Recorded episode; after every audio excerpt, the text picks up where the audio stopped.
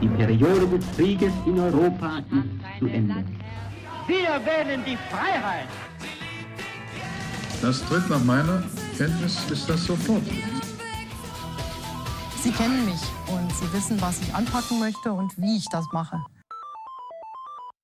O Leste do Norte, un podcast sobre Alemanha, para Galiza e para o resto do mundo.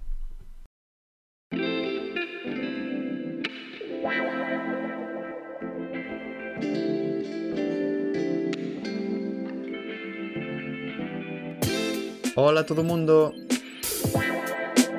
Como a case todos os países do mundo, Alemanha ten un himno, e o himno ten unha historia. Comezou sendo unha versión doutra canción, gañou popularidade, logo foi manipulado, recortado, e así chegou os nosos días, nos que semella que por fin atopou a súa forma. Hoxe imos acompañalo a través da historia de Alemanha dende o seu nacemento ata o momento actual. das Deutschlandlied, a canción da Alemanha, ou tamén das Lied de Deutschland, a canción dos alemáns, é o himno oficial da República Federal de Alemanha. Como moitas outras cancións nacionais do mundo occidental, foi escrita no século XIX, concretamente no ano 1841. Naquel século, o actual territorio de Alemanha estaba conformado por unha enorme cantidade de reinos, condados, principados e outras moitas entidades que tradicionalmente conviviran baixo o amparo do Sacro Imperio Romano Xermánico, mais que a estas alturas da historia xa daba mostras da súa debilidade frente ás novas grandes potencias que se afianzaban no continente. O século comezará coa invasión napoleónica e a agrupación dunha parte destes estados xermanos na Confederación do Rin, que era basicamente un estado títere de Francia.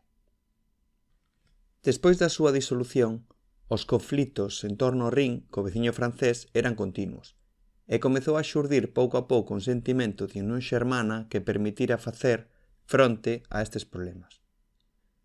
Así, nese ano 1841, o poeta August Heinrich Hoffmann von Fallersleben escribiu un poema de tres estrofas chamado Das Lied de Deutschen, a canción dos alemáns, en torno á idea dunha unidade alemá, o que naquel tempo considerábase revolucionario. Tomou como referencia a canción Gott erhalte Franz Kaiser, Deus salve a Francisco Emperador, que era o himno do Imperio Austrohúngaro e fora composto alá polo 1797 por Franz Joseph Haydn. Basado nun texto de Lorenz Leopold Haschka para o emperador Francisco II do Sacro Imperio Romano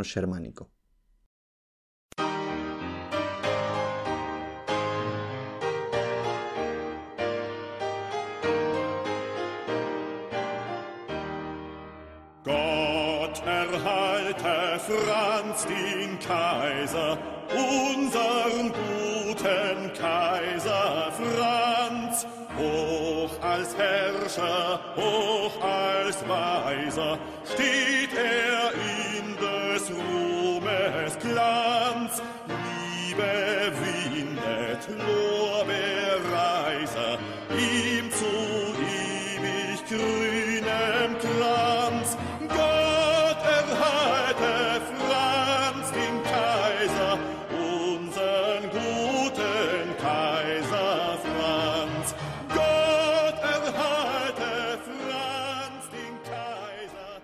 Así, podemos entender que esta nova versión non tiña aspiracións a converterse en himno, senón o obxectivo de ensalzar o nacionalismo alemán contra a ameaza francesa. Pese a que o seu nome oficial se mantivo, a canción foi sempre popularmente coñecida como Deutschland, Deutschland über alles, por ser o primeiro verso do poema. Imos continuar por agora falando da súa historia e máis adiante traducireivos a letra. Os anos pasan e no 1871 nace o primeiro imperio alemán en torno a Prusia, máis, pese a que a canción xa é popular, non se adopta como himno, pois non ensalza o Kaiser, figura que simbolizaba naquel momento a unidade do imperio, e buscábase outra canción o estilo do God Save the King no Reino Unido. Mais, a parte deste inconveniente, non penso que puidera ter chegado a himno oficial naquel momento, pois baseábase na melodía do himno do Imperio Romano Xermánico e naquel momento era utilizado como himno do Imperio Austrohúngaro. Sei que o transcurso da historia e a maxa dos rumores aparecen durante a Primeira Guerra Mundial no que se di que o 10 de novembro de 1914, un grupo de soldados alemáns comenzaron a cantar a canción durante unha batalla en Bélxica preto de Langemark. Nunca saberemos se foi certo ou non, mas dá unha idea da popularidade da canción entre a xente. Sospeito, e isto é unha opinión persoal, que neste caso estarase a aplicar o sesgo do supervivente, e que probablemente nas batallas cantábase Esta e moitas outras cancións nacionalistas creadas no século anterior. Mais, quizáis, márcase este feito para tentar darlle forza e peso a esta canción. Sexa como for, tradúzovos a mensaxe enviada o día seguinte á batalla polo superior ao mando daqueles soldados. Ao oeste de Langemark, os novos rexementos romperon e tomaron a primeira liña de posicións inimigas, coreando Deutschland, Deutschland über alles. Capturáronse uns 2000 homes de infantería da liña francesa e seis ametralladoras. Crónica do OHL, 11 de novembro de 1914. Chega ao final da guerra e trae varias consecuencias. O exilio do Kaiser, a desaparición do Imperio Austrohúngaro, co que seu himno queda sen uso, é o nacemento da República de Weimar, que oficializa finalmente esta canción dos alemáns como himno oficial en 1922. E agora, cando semella que xa a historia podería rematar aquí, é xusto cando comezan as turbulencias. No ano 1921, Albert Mattei escribiu unha nova estrofa como reacción á paz de Versalles, que foi incluída no Cancioneiro da Mariña Alemana de 1927 e que foi cantada no exército e polos nacionalistas que a chamaban a cuarta estrofa, mas nunca chegou a ser incluída no himno oficial. Nesta estrofa substitúese o Alemanha, Alemanha sobre todo, sobre todo no mundo, por Alemanha, Alemanha sobre todo e agora aínda máis na desgraza como todas as cancións nacionalistas, e sobre todo as do século XIX nas que eran todos uns expertos, a canción fala sobre Nazón, ensalza e fala da gloria e isto fixo que fora un xoguete moi perigoso coa chegada da tolemia do nacionalsocialismo, que utilizou e retorceu ata a extenuación a canción. Imos revisar agora a letra e logo repasala cuns comentarios.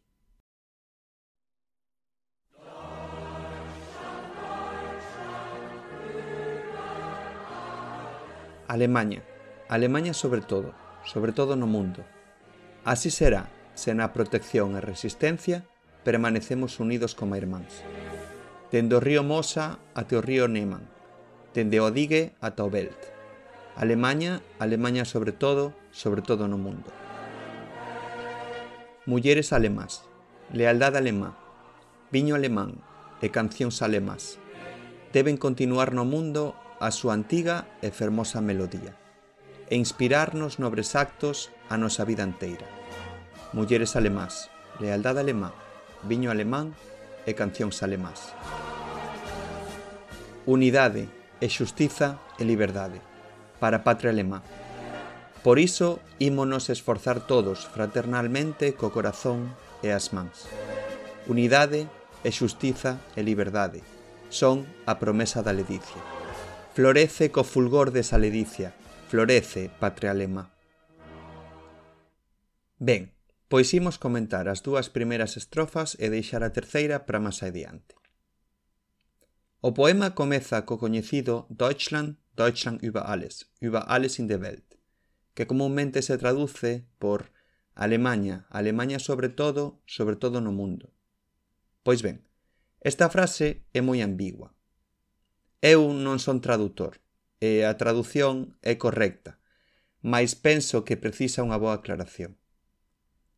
Se atendemos o espírito no momento da súa composición, iso de Alemanha, sobre todo, penso que sería máis axeitado traducilo por un Alemanha antes que nada, ou crizáis máis exacto sería Alemanha antes de calquera outra cousa, porque iso é o que se intentaba dicir, que Alemanha era o máis importante no mundo, como forma de incitar a defender a patria ante o ataque externo.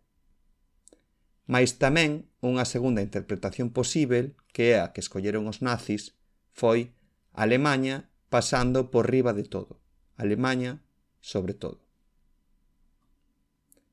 Continúa o poema falando da protección e resistencia, da unidade necesaria ante o ataque francés, para seguir cos límites do que eran os territorios xermánicos naquela época, que ían dende o río Mosa, que transcorre por Bélxica, o Neman, en Polonia, dende o río Adige, no leste de Italia, ata o paso do Belt, en Dinamarca. A seguinte estrofa ensalza a cultura alemá, dicindo que debe de sobrevivir neste mundo, lembremos, nun momento no que estaba a sufrir un ataque externo. O tempo segue a pasar. Alemanha perde a guerra e, polo tanto, os nazis perden o poder e o país divides en dous.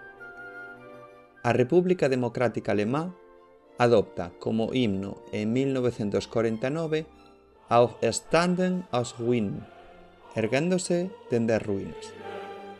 Non vou entrar en detalles, mas quizáis dicir que ten unha letra inspiradora que fala de irmandade, de paz e de liberdade.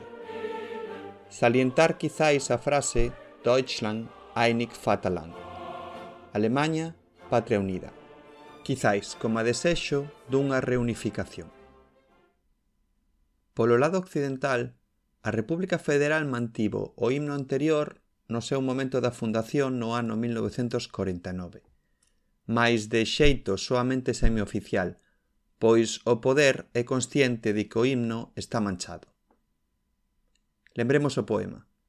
A primeira estrofa quedou asociada fortemente ao partido nazi, despois do seu uso intensivo por parte da maquinaria propagandística e, ademais, despois dos cambios de fronteiras, os límites dos que fala xa non son realistas.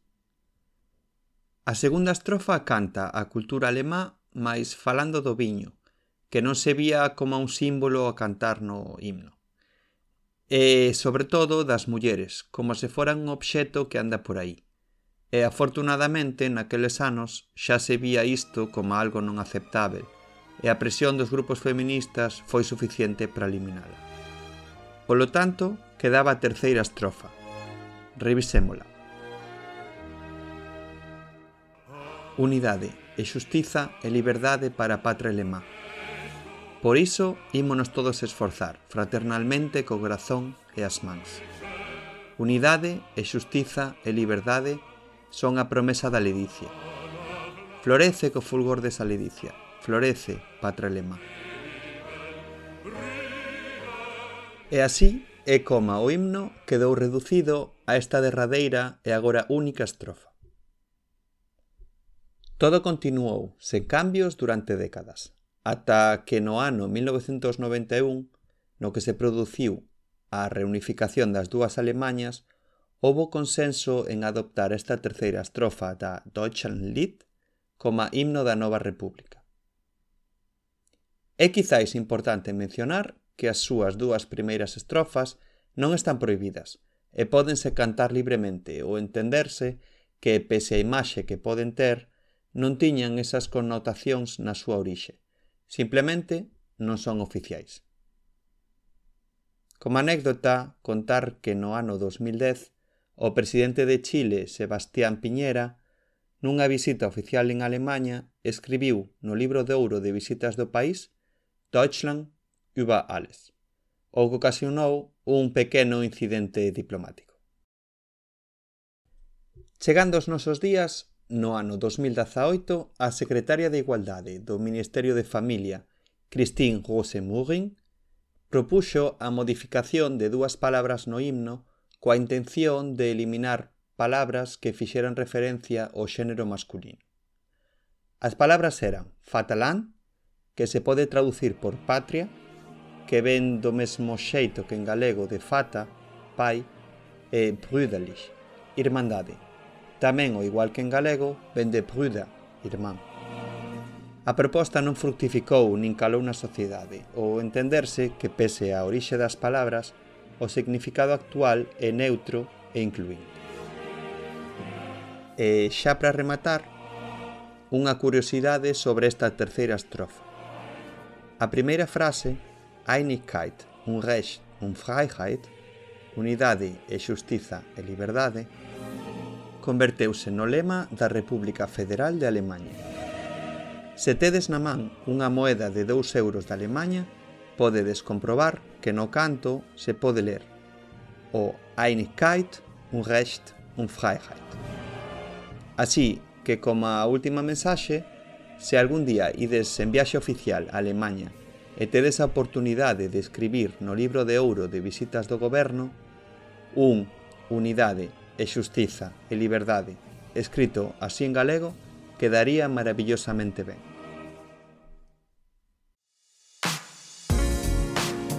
E ata aquí o programa de hoxe. Moitas grazas por escoitar. Como sempre, podes contactar en aolestedonorte.gmail.com En Twitter, Auleste do Norte, Instagram, Auleste do Norte, e na páxina aolestedonorte.wordpress.com Hoxe, a canción do final é algo máis intensa que as que poño habitualmente, así que cuidado co volume. Deica logo